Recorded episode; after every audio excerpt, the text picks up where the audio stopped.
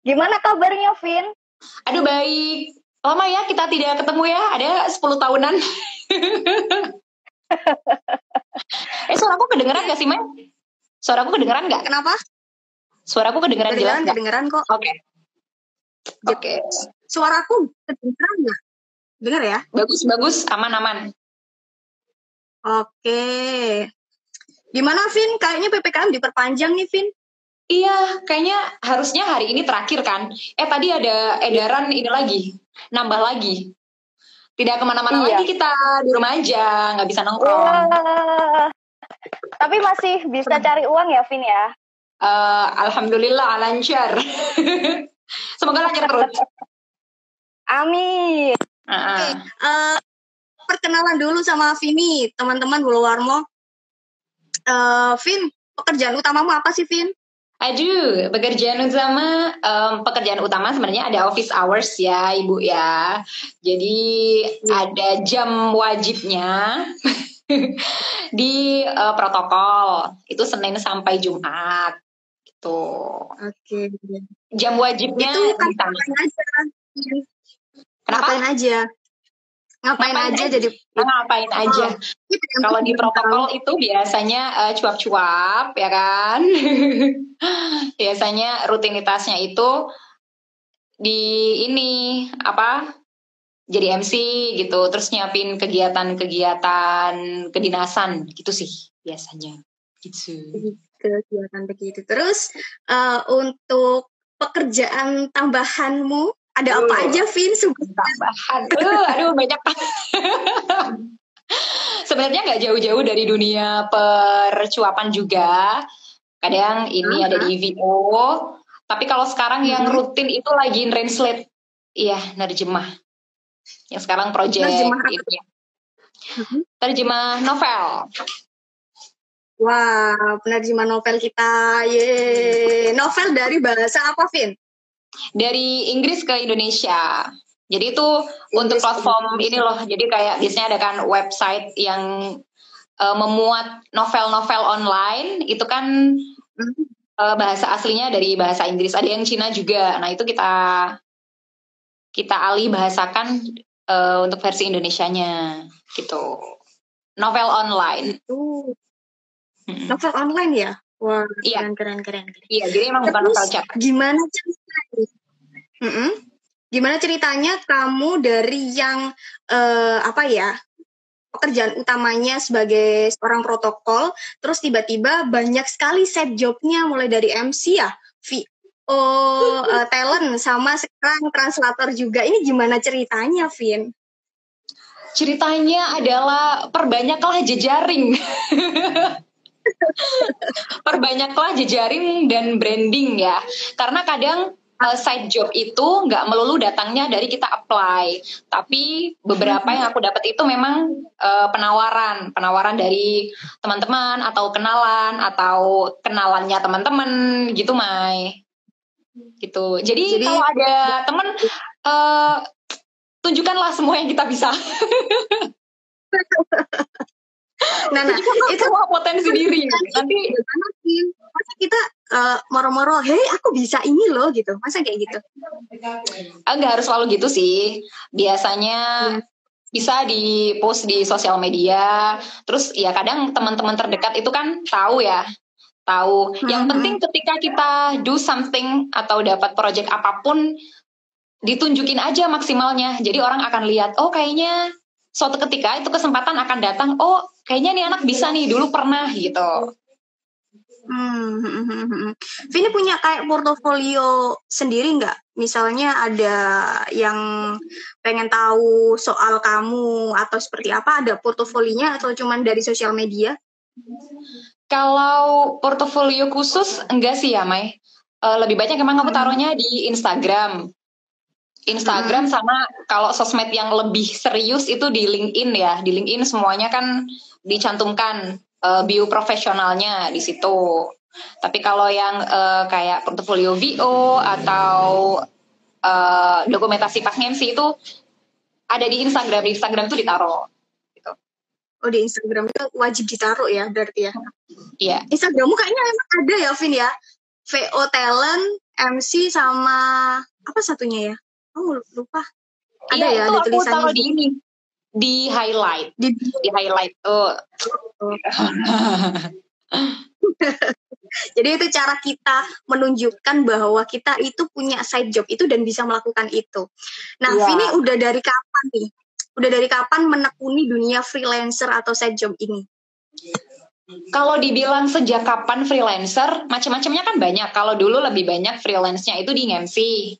Ya, mm-hmm. dipanggil, dipanggil buat MC atau apa.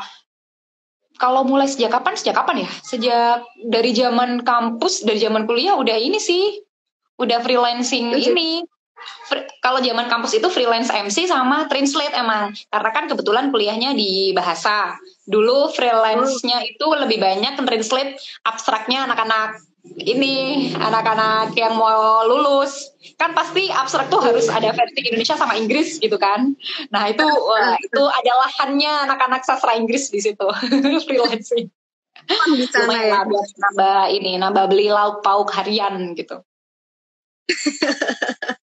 Terus uh, kamu mengetahui kalau ini bisa nih dicuankan itu dari mana, Vin?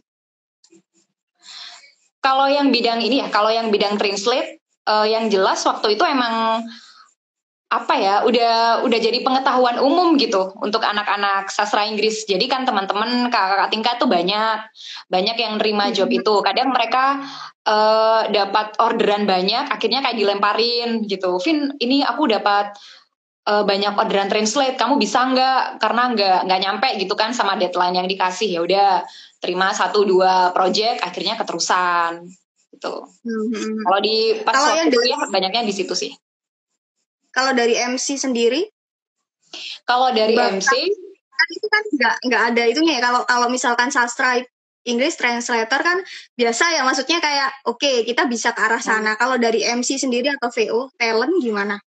taunya kamu berbakat di sana? Uh, dulu waktu masih sekolah itu sering disuruh ngemsi perpisahan kayak gitu kan. Awalnya perpisahan jadi MC perpisahan jadi MC nah waktu kuliah itu emang sengaja ikut UKM yang fokusnya di sana. Yang fokusnya di uh, belajar retorika. Jadi waktu itu ada UKM di kampus namanya IPRI Ikatan Pecinta Retorika Indonesia. Uh itu belajarnya emang uh, tentang retorika. Apa? Oh gitu. Ya, jadi Berat MC, sekali, Bu. MC broadcast debat sama pidato. Jadi fokusnya empat itu. Nah, di UKM itu memang kita digembleng untuk entah nanti kamu di antara empat skill itu uh, dilihat hmm. di mana potensinya. Terus satu dua kali itu dikasih kesempatan untuk tampil gitu kan. Jadi kalau di pas masih di kampus acara-acara anak komunitas itu emang kebanyakan misalkan butuh MC pasti nyarinya ke anak-anak IPRI. Nah, itu cara kita untuk uh, mulai masuk nih ke dunia yang MC profesional gitu.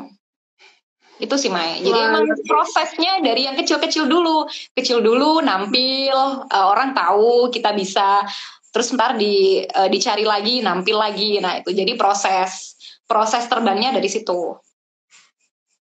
Jadi memang nggak bisa instan ya, semuanya perlu belajar buluan Iya, nggak mungkin tiba-tiba blar dikasih panggung gede gitu kan. Ya pingsan juga kalau langsung nggak tahu eh, nggak uh, tahu tahap dari kecil-kecilnya gimana ya. Emang apa pun ya apa pun deh di bidang apa pun kalau dikasih uh, lingkup yang kecil-kecil dulu terima aja. Itu bagian dari proses belajarnya supaya nggak kaget nanti kalau udah ya namanya kita mau naik ya pasti kan mulai tanggal satu dua tiga nggak tiba-tiba terbang ke atas nanti jatuh atau kepleset. Hmm. Oke, okay. terus kebanyakan tadi kan udah cerita nih uh, apa hmm. side jobmu itu dapat dari uh, jejaring gitu ya. Kebanyakan memang dari jejaring atau ada yang dari sosmed, Vin? Uh, gini, sebenarnya dua-duanya ini ber ini ya berkaitan ya Maya. Ada yang emang hmm. tahu aku secara real life terus kemudian dapat tawaran, ada yang karena sering ngepost di sosmed, kayaknya kamu bisa ya. Nah, gitu kadang ada diajakin kolaborasi, kadang sama orang yang nggak kenal juga. Gitu. Hmm. Atau ada temen yang kenal karena tahu uh, portfolio di sosmed, akhirnya hmm. ketika ada orang lain yang nyari, nah teman bisa ngasih rekomendasi gitu. Terus pasti baru dikasih lihat ke sosmed tuh ini loh portofolionya kayak gini. Kalau misalkan di VO, nah nanti uh, aku kasih lihat ini hasil video yang aku jadi VO gitu. Jadi eh, Terus, ber, uh, Kamu punya cara branding khusus nggak sih, Vin, untuk menarik klien atau ya udahlah gini aja begitu? Strategi khusus untuk menarik klien. Sebenarnya gimana ya kalau strategi khusus itu ya yang penting ya itu balik lagi ke jejaring yang Maya dan uh, buatlah jejak digital. Jejak digital itu penting ya hari ini ya. Jadi orang kalau misalkan, oh, bener nggak sih Vini bisa MC, bener nggak sih Vini bisa AVO, ada nggak contohnya? Nah itu paling nggak satu dua itu um, ada ada jejak digitalnya yang nanti kita bisa kasih lihat ke orang gitu. Hmm. Kalau strateginya ya udah setiap satu kali dapat kesempatan bikin itu se lakukan itu semaksimal mungkin gitu. Jadi orang ketika hmm. melihat kita misalkan satu kali itu dia udah langsung oh dia kayak gini ya kualitasnya, oh segini gitu. Jadi orang akan hmm. trust. Hmm. Jadi kapan pun kesempatan itu datang, udah total aja. Nanti akan uh, mancing ke kesempatan-kesempatan berikutnya. Hmm. Kamu juga per, punya itu nggak? Ada kan sekarang kayak apa sih aplikasi-aplikasi untuk freelancer begitu? Kamu ikut nggak hmm. di sana? Aku kebetulan belum sampai yang ini sih, belum sam belum pernah yang dapat orderan dari situ. Dulu sempat bikin akun kayak di apa ya seribu lancer gitu fast work, terus uh, apalagi freelancer, tapi tapi sampai hari ini belum belum bener-bener yang dapat dari sana. Cuman pernah dapat yang temen uh, temen di situ. Temen yang hmm. dapat orderan di situ. Nah kebetulan dia butuh VO nah itu ngajak kolaborasi. Tapi bukan yang akunya langsung. Dianya yang dapat order terus ngajak uh, untuk ngisi ngisi untuk ngisi VO-nya nah, jadi diajak okay, kolaborasi jadi, untuk proyeknya dia. Hmm, jadi uh, memang jejaring itu sangat perlu ya. Kita nggak dapat langsung atau kadang kan kalau kayak gitu kan hmm. harus aktif nggak sih Vin ya? Kalau dari iya. uh, kalau punya akun seperti itu kan harus aktif perbarui portofolio dan juga iya, benar. segala macam. Mm-hmm. Karena terus juga uh, juga. Iya bener, bener banget Vin. Kadang harganya juga apa ya? harganya bersaing Vin ya nggak sih? Iya bersaing loh. Beneran kadang waduh. Iya. kayak yang uh, kualitasnya menang-menangan bagus tapi harganya menang-menangan rendah. Waduh serem juga. Maksudnya effortnya ini juga di platform kayak gitu.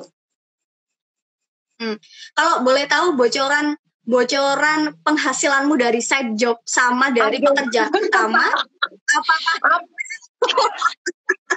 nah nggak begini. Apakah bersaing atau gimana ya? Uh. Atau ya lumayan lah gitu sama lah gitu, Vin. Kasih bocoran dong biar bocoran ya, bocoran nih.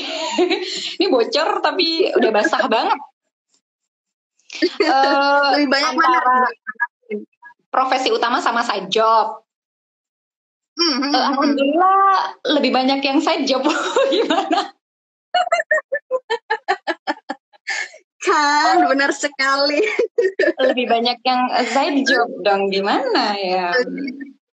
Alhamdulillah banget ya Allah. Semoga teman-temannya kecipratan ya ibu ini ya. Udah sering kan? Terus udah sering kan? sering kecipratan kan? Ini apa Vin? Kendalanya? Apa? Hmm? kendala kendalamu sejauh ini apa? Untuk yang side job Uh, kalau untuk yang side job itu kan target based ya Maya. Jadi kita ditarget kan. Kayak sekarang uh, yang lagi dikerjain kan translate novel. Jadi itu harus hmm. setiap minggu itu targetnya 25 bab. Nah, jadi uh. karena aku masih ada office hours itu, masih ada jam kerja wajib, jadi harus benar-benar bisa ini bagi waktu gitu. Makanya kadang di tengah office hours itu sambil nyambi nyambi ya paling nggak nyicil satu bab dua bab karena ya itu karena kalau side job freelancer itu kan uh, target kan ininya target dan deadline nah kita jadi nggak boleh kendor di situ harus bener-bener bisa bagi waktu terutama yang masih punya kesibukan lain Hmm. Gitu. Atau pernah juga nggak sih dapat komplain dari klien? Uh, kebetulan kalau ini, kalau yang translate ini kita kan ada editornya. Oh gitu. Ada editornya. Jadi uh, komplainnya itu nggak yang bener-bener langsung dari klien, cuman kita ada jembatannya gitu. Kan ada tim, hmm. ada tim ini ada translatornya, ada ada editornya. Nah, biasanya editor ini sebelum ke klien dia dulu yang ini yang ngoreksi gitu. Oh gitu. Kalau yang dari MC Fail Talent juga pernah nggak kamu dapat komplain?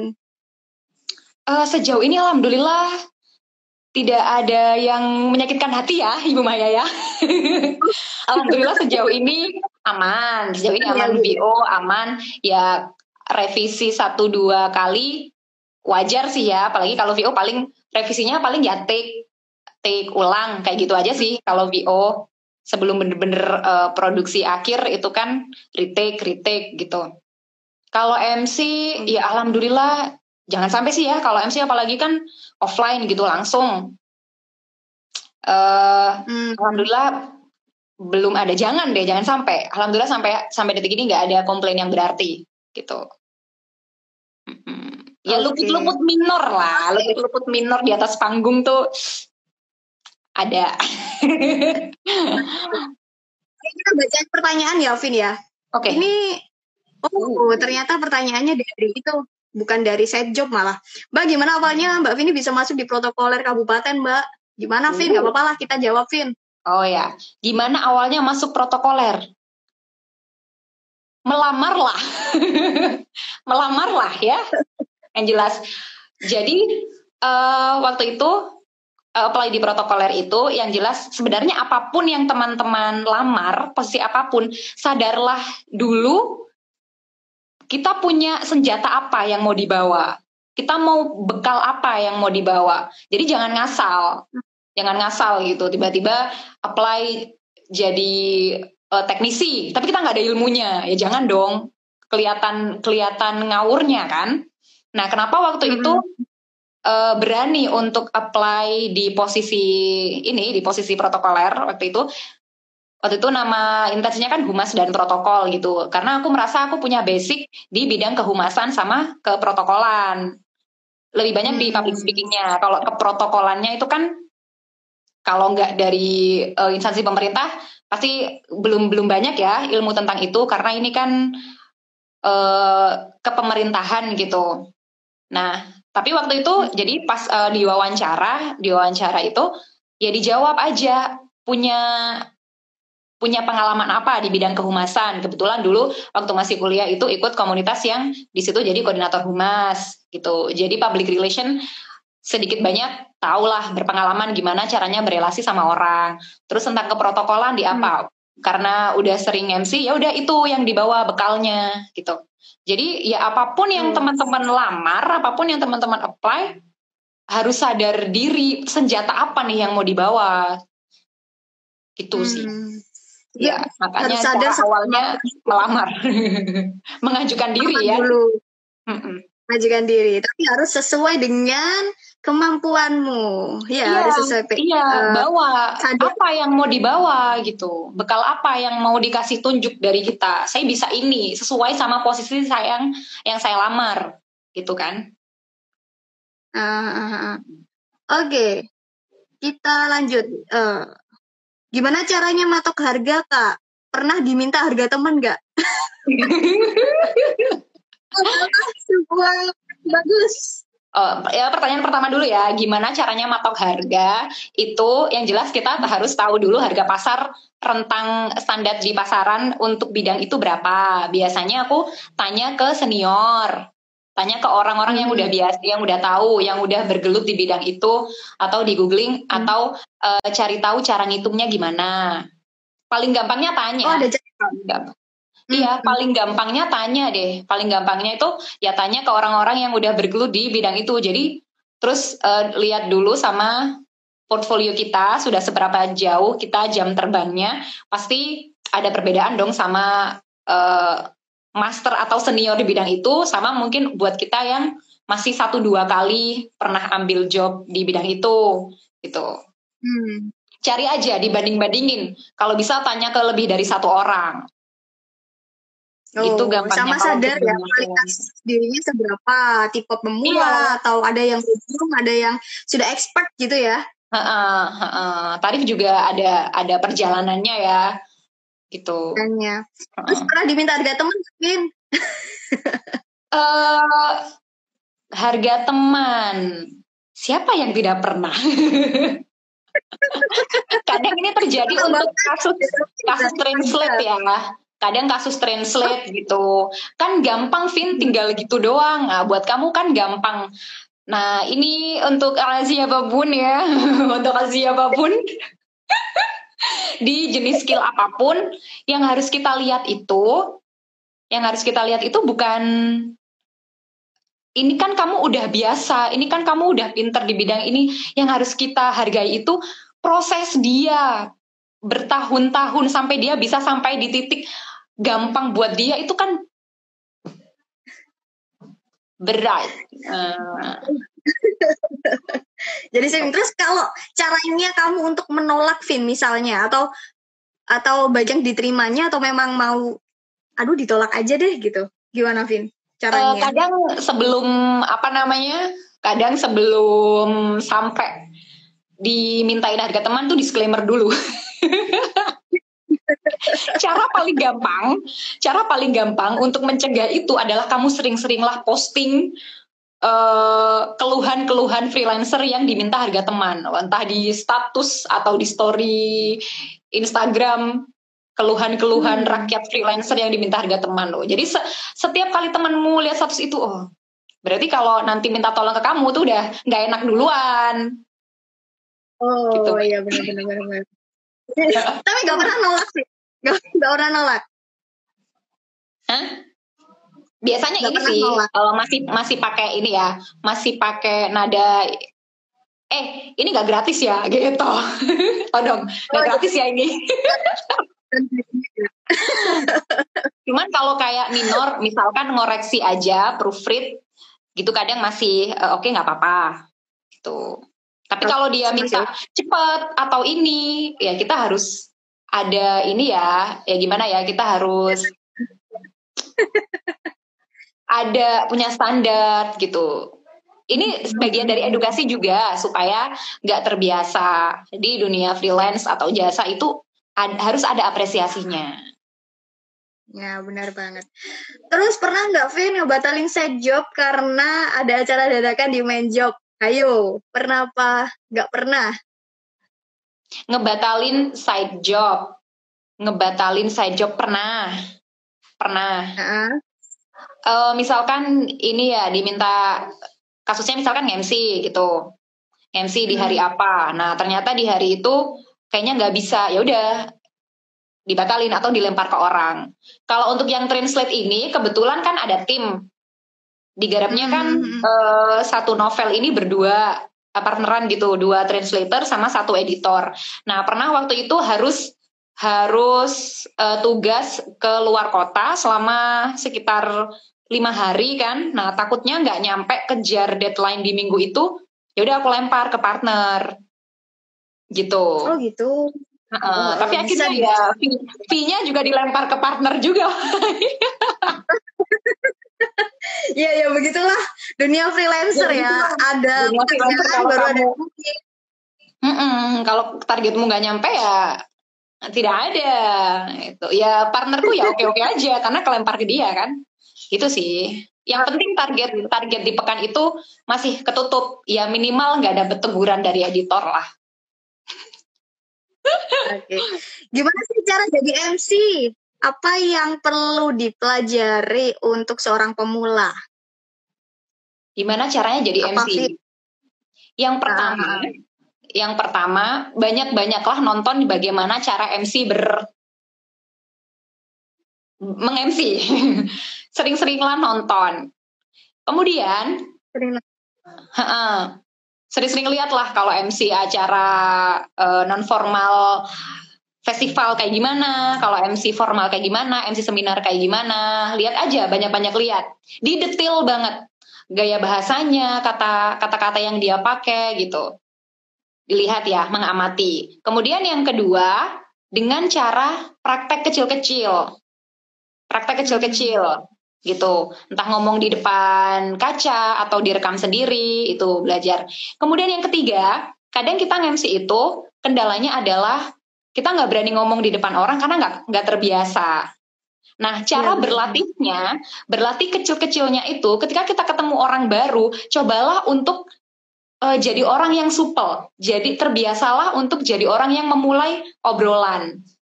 Ini sebenarnya kayaknya hmm. sepele ya, Mai. Kayaknya mungkin kelihatannya nggak nyambung gitu dari uh, dari praktek ini untuk jadi seorang MC. Tapi sebenarnya ini ngaruh. Kita akan terbiasa untuk menghadapi orang. Hmm. Terbiasa untuk supel. Nanti pasti bakal kelihatan sih orang yang udah sering ngomong udah sering ngomong di depan banyak orang, ketika ada di satu perkumpulan atau di tongkrongan, itu akan jadi orang yang hey duluan gitu. Itu kelihatan. Sedikit banyak itu kelihatan. Akan gampang uh, diajak ngomong sama orang itu gampang gampang ngebalas gitu. Tapi emang beda kita ngobrol di depan orang sama misalkan kayak sekarang ini ngobrolnya di depan kamera. Maksudnya Hmm. tingkat kepercayaan dirinya itu beda loh. Beda banget loh. Kadang aku bisa misalkan untuk ngobrol ya. Aku sendiri ya ngobrol oh hmm. ada di depan kamera nih. Enak banget nih ngobrol. Cuman nanti kalau uh, ngobrol di depan banyak orang itu masih ada aduh dilihat banyak orang gitu. Orang bisa ya kayak gitu ya? Itu, uh, itu latihan kecilnya. Atau latihan latihannya lagi. Ini karena masih pandemi sih ya. Jadi ruang-ruang offline kita nggak banyak nemu nanti kalau udah nggak pandemi lagi atau uh, ketemu ruang offline lagi, misalkan ketika kita ada di nggak tahu entah seminar gitu kan, entah seminar mm-hmm. atau ada workshop atau apa, ambillah satu dua momen di mana kita ngomong, jadi itu kayak latihan kita jadi pusat perhatian berlatih jadi pusat perhatian. Misalkan ambil kesempatan bertanya atau memberikan opini. Nah, itu kan kita latihan misalkan pengen latihan uh, berani ngomong di depan orang. Kan kita nggak mungkin ngumpulin 50 orang hanya untuk minta mereka eh, pura-pura jadi audiens buat kita belajar buat kita latihan. Hmm. siapa yang mau gitu. Nah tapi ketika kita udah ada di forum yang di situ banyak orang nah ambil satu dua momen. Meskipun cuma satu menit dua menit kita belajar jadi pusat perhatian. Yaitu kalau ada kesempatan bertanya kalau ada kesempatan uh, dikasih memberikan pendapat, ambil kesempatan itu. Kan cuma satu dua menit. Mm-hmm. Nah, itu bisa jadi bahan latihan kita.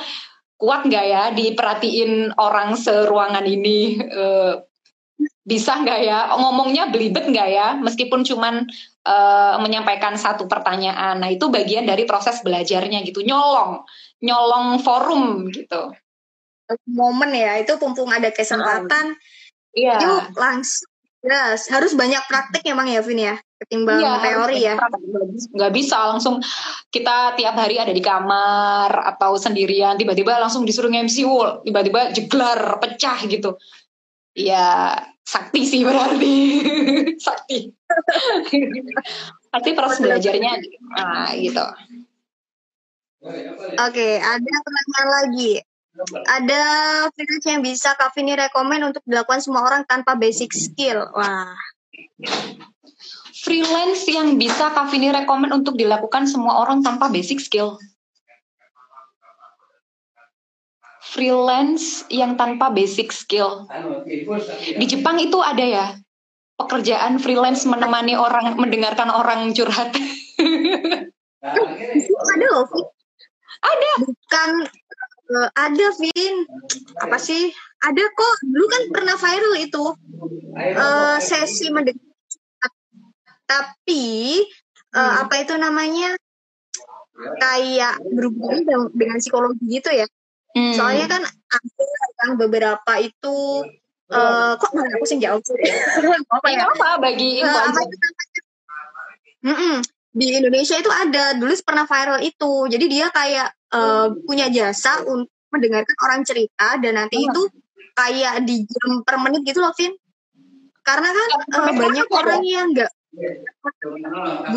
butuh, pendengaran, orang butuh pendengar. Maksudnya kayak kalau kita cerita ke teman kadang kan mereka kayak aduh apa sih gitu kan Dia sekarang gampang kan terus ya. ya, dia ada mm-mm, bikin bikin bikin seperti itu sempat viral dulu itu yang penting eh, tidak melakukan apa ya kayak ada kan yang sekalian diberikan nasihat atau segala macam kadang kan itu bukan ranahnya begitu kan takutnya kan ada sesuatu yang berhubungan dengan kejiwaan jadinya agak gimana gitu Hmm. selain itu ada nggak? Eh, bentar freelance semua orang tanpa basic skill. Eh, kalau di ini biasanya, misalkan di platform-platform freelancer itu ada kok kayak data entry gitu. Itu ada. Ya tetap harus bisa IT ya. Kayak cuman ngeklik apa namanya ngetik lagi data di Excel itu ada gitu. Kayak minta bantuan orang untuk eh ngetik data data dalam bentuk apa nanti dimasukin ke Excel kayak gitu doang tuh ada yang cari jasa kayak gitu kadang kan orang nggak punya waktu ya buat buat ngetik lagi data yang kecil-kecil. Nah itu kayak gitu kan. ada. Hmm. kalau bisa maksudnya kita punya waktu untuk ngerjain hal itu. Nah mereka mereka yang cari yang mereka hanya nggak punya waktu aja. Bukan mereka nggak bisa. Mereka nggak punya waktu untuk ngerjain jasa yang kecil-kecil. Itu ada. Ada loh kayak gitu. Cari aja. Cari di itu terus itu apa freelancer kan banyak ya? Freelancer kalau ada kan freelancer. Heeh. mm-mm, ada karena punya cuma bahasa ada data aja. Ya. Entry data petikan jasa pengetikan juga ada sih kayaknya. Heeh. Heeh. Dan banyak. Untung banyak itu sebenarnya di hari ini tuh udah macem-macem. Nggak maksudnya banyak. Eh, mereka mencari jasa yang nggak bener-bener harus punya skill atau ilmu khusus gitu bahkan kayak itu. juga bisa dapat duit loh Vin. Tahu nggak sih kayak kita ada perusahaan gitu Hmm. eh, mengadakan survei terus kita isi survei itu bisa dapat duit. Oh iya. Tahu tapi aku belum pernah coba sih? Kamu udah pernah coba ngisi-ngisi survei kayak gitu? Aku pernah coba cuman eh, bukan yang itu sih kayak eh, apa ya bukan yang langsung dapat duit. Kan itu ada targetnya gitu Hmm. aku pernah coba yang level pertama tapi nggak sampai cair gitu loh. Kan itu kayak ada apa ya level levelannya gitu. Mm-mm, minimal berapa baru bisa dicair gitu kan? Ya baru bisa cair begitu. Jadi nunggu. Ya agak lumayan juga begitu kan? Karena memang dunia freelancer itu ya agaknya agak ya lumayan berat. Cuman ya nggak berat-berat banget sih. Kita tetap harus aktif ya nggak Vin? Hmm, benar. Makanya di freelancer itu kadang ada yang permintaan jasa yang kayak nggak masuk akal gitu, cuman apa doang gitu. Tapi tapi ada, sering-sering cari deh. Banyak. Hmm. Pernah nggak sih, Vin, kamu mengalami hal itu? Permintaan yang, aduh nggak bisa. Apa? Nggak bisa yang dimintai Nggak bisa tolong tapi. Mm, mm, Apa ya? Bentar, tadi inget-inget dulu. Kayaknya sejauh ini eh, permintaan permintaan masih yang relevan sih, relevan skill. iya. Oh ya. Gak ada yang kayak melenceng jauh banget apa enggak? Belum, belum, belum ada sih untungnya. Aman ya sampai hari ini ya. Aman. Vin, ternyata kita sudah 45 menit nih. Lumayan juga ya. Uh, Nah, eh, terakhir nih kasih dong langsung tips konkret jadi freelancer. tips konkret jadi freelancer supaya dapat job gitu maksudnya. Bener. Kalau konkretnya ya itu apply di situs-situs freelance dan kenali dulu itu di dalamnya situ kayak gimana regulasinya. Atau lebih bagus lagi kalau misalkan eh, pakai situs yang khusus. Ada kan misalkan kamu pinternya desain ya udah cari situs freelancer yang di situ khusus desain. Biasanya lebih lebih ini lebih fokus gitu. Hmm. terus sekali Lalu, eh, kalau udah dapat dapat job terima aja. Terima aja kadang emang mulainya dari kecil-kecil dulu gitu Hah? Hmm, hmm, hmm, hmm, hmm. Iya. Iya, jangan sampai menolak job ya. Iya, ya, ya, tapi tetap sadar, sadar ini ya, sadar bekal gitu. Dan jejaring, uh, jejaring itu bang, berjejaringlah, berjejaringlah teman-teman. Kamu biasanya berjejaringnya, berjejaringnya via apa sih, Vin? Biar bisa banyak sekali, punya banyak sekali kawan gitu. Aku mendekati orang-orang yang terlihat uh, berpotensi. kayak Maya gini kan? Gimana gimana itu? Sepertinya dia bisa dimanfaatkan di masa depan gitu Maya pokoknya peka-pekalah gitu. Peka-pekalah. Kadang kadang dimulainya nggak harus nggak harus untuk job profesional ya kadang ada dimintain hmm. kolaborasi bikin project bareng nah biasanya hmm. berawalnya dari kayak gitu-gitu nanti lama-lama kita itu kita itu uh, kayak keluar sendiri. Oh ternyata bisa ya aku di bidang ini yang selama ini mungkin aku nggak sadar. Tapi kalau udah kolaborasi kan kerja tim gitu. Kita ambil satu bagian pekerjaan baru dari situ kita sadar oh bisa ternyata ngerjain skrip misalkan. Oh ternyata bisa ya ngedit videonya. Oh ternyata bisa uh, take oh ternyata bisa VO gitu. Hmm. sering-seringlah bikin project kolaborasi dulu. Kolaborasi dulu oh ngajak temen bikin apa begitu ya. Kalau kita nggak iya, punya portofolio gitu. Iya ngajak temen bikin apa meskipun cuma kayak video Instagram reels 30 detik gitu. Ada video terus hmm. ada narasinya. Kecil-kecil kayak gitu dulu nggak apa-apa. Karena sekarang kita itu kayak hmm. apa ya kita mau nunjukin diri tuh udah nggak perlu agensi, nggak perlu diangkat orang. Kita udah bisa, udah bisa nunjukin kita kita bisa apa, kita orangnya kayak gimana, kita punya skill apa. Semakin sering kita menunjukkan skill kita itu nanti tiba-tiba celing ada aja gitu DM. Gitu. Wah, luar biasa. Sekarang semakin mudah untuk cari duit ya, Vin. Mudah-mudah ya mudah-mudah pusing sih. Tapi gampang, gampang kok. Hari-hari itu lebih gampang. Kita udah bisa apa ibaratnya menjual diri itu udah gampang. menjual potensi diri. Oke, okay, makasih Alvin buat tips-tipsnya. Semoga kita bisa bersua di lain kegiatan.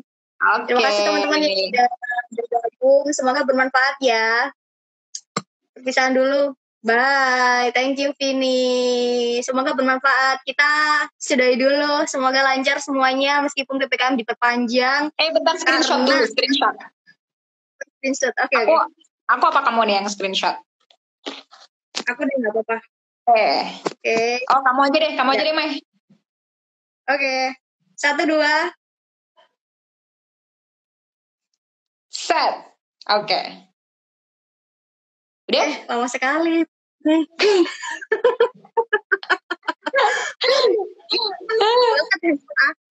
coba deh handphone baru, handphone baru coba. Aduh, aduh. Ini nggak bisa nih harus kayak gini. Ah udah nih, bagus, bagus, bagus. Dah, cakep. Oke, terima kasih Vini. Hai semuanya. Hmm, selamat berakhir Assalamualaikum warahmatullahi wabarakatuh. Bye.